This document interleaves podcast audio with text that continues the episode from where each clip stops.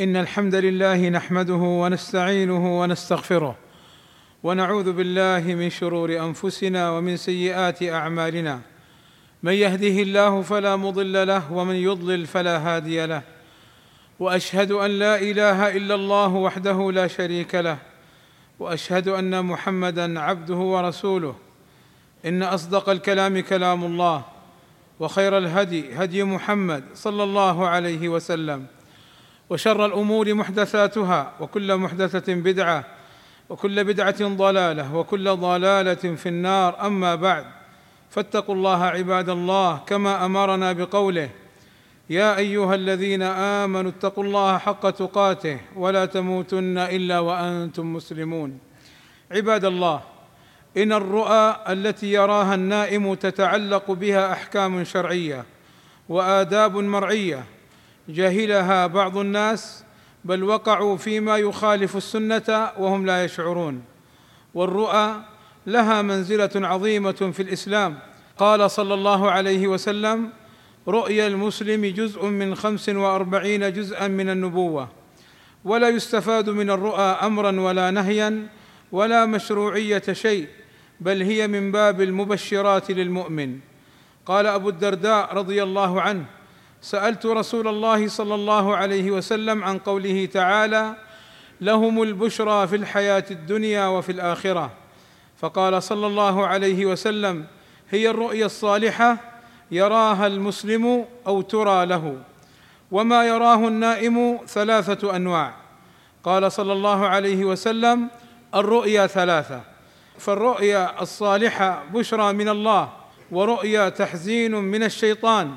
ورؤيا مما يحدث المرء نفسه ويشرع لمن رأى رؤيا صالحة الأمور التالية.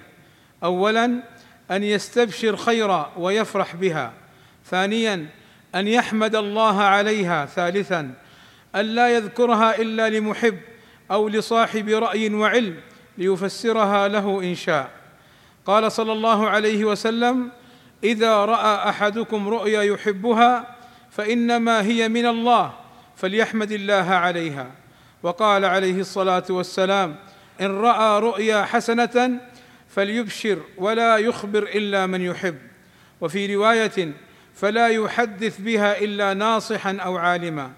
وقال صلى الله عليه وسلم إذا رأى أحدكم الرؤيا تعجبه فليذكرها وليفسرها.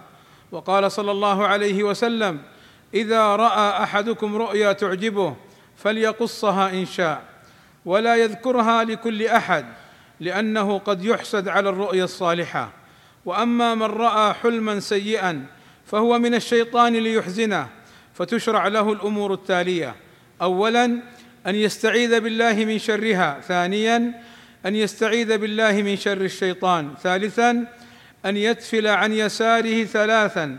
رابعا أن يتحول عن جنبه الذي كان نائما عليه. خامسا أن يقوم يتوضأ ويصلي ركعتين. سادسا أن لا يحدث بها احدا سابعا أن لا يطلب تفسيرها. قال صلى الله عليه وسلم إذا رأى ما يكره فليتعوذ بالله من شرها ومن شر الشيطان وليتفل ثلاثا ولا يحدث بها احدا فإنها لن تضره. وفي رواية وليتحول عن جنبه الذي كان عليه.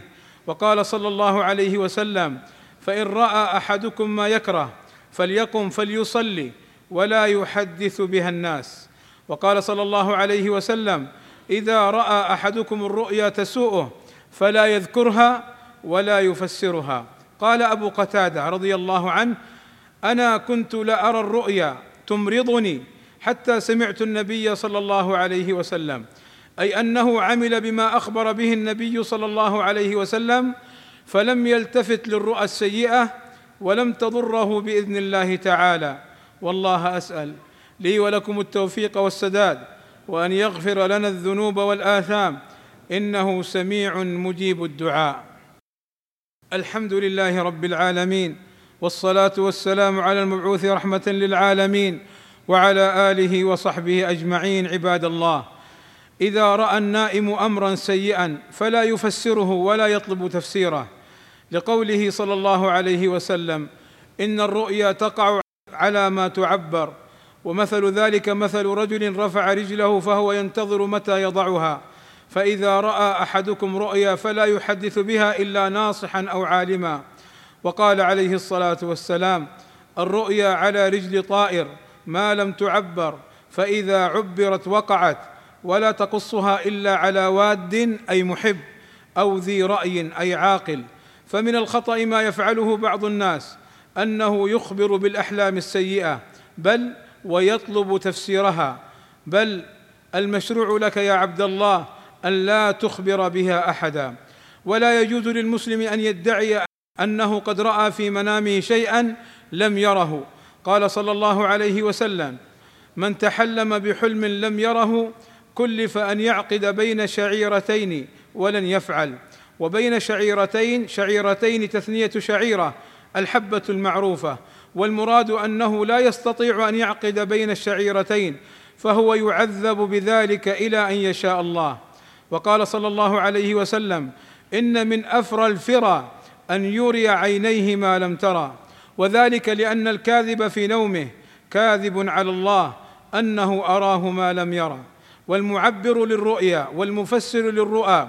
يجب أن تتوفر فيه صفات منها العلم والأمانة والديانة والخبرة. وكان صلى الله عليه وسلم يفسر رؤى الصحابة وليس كل من تصدر لتعبير الرؤى والأحلام هو ممن يحسن التعبير والتفسير لهذه الأحلام.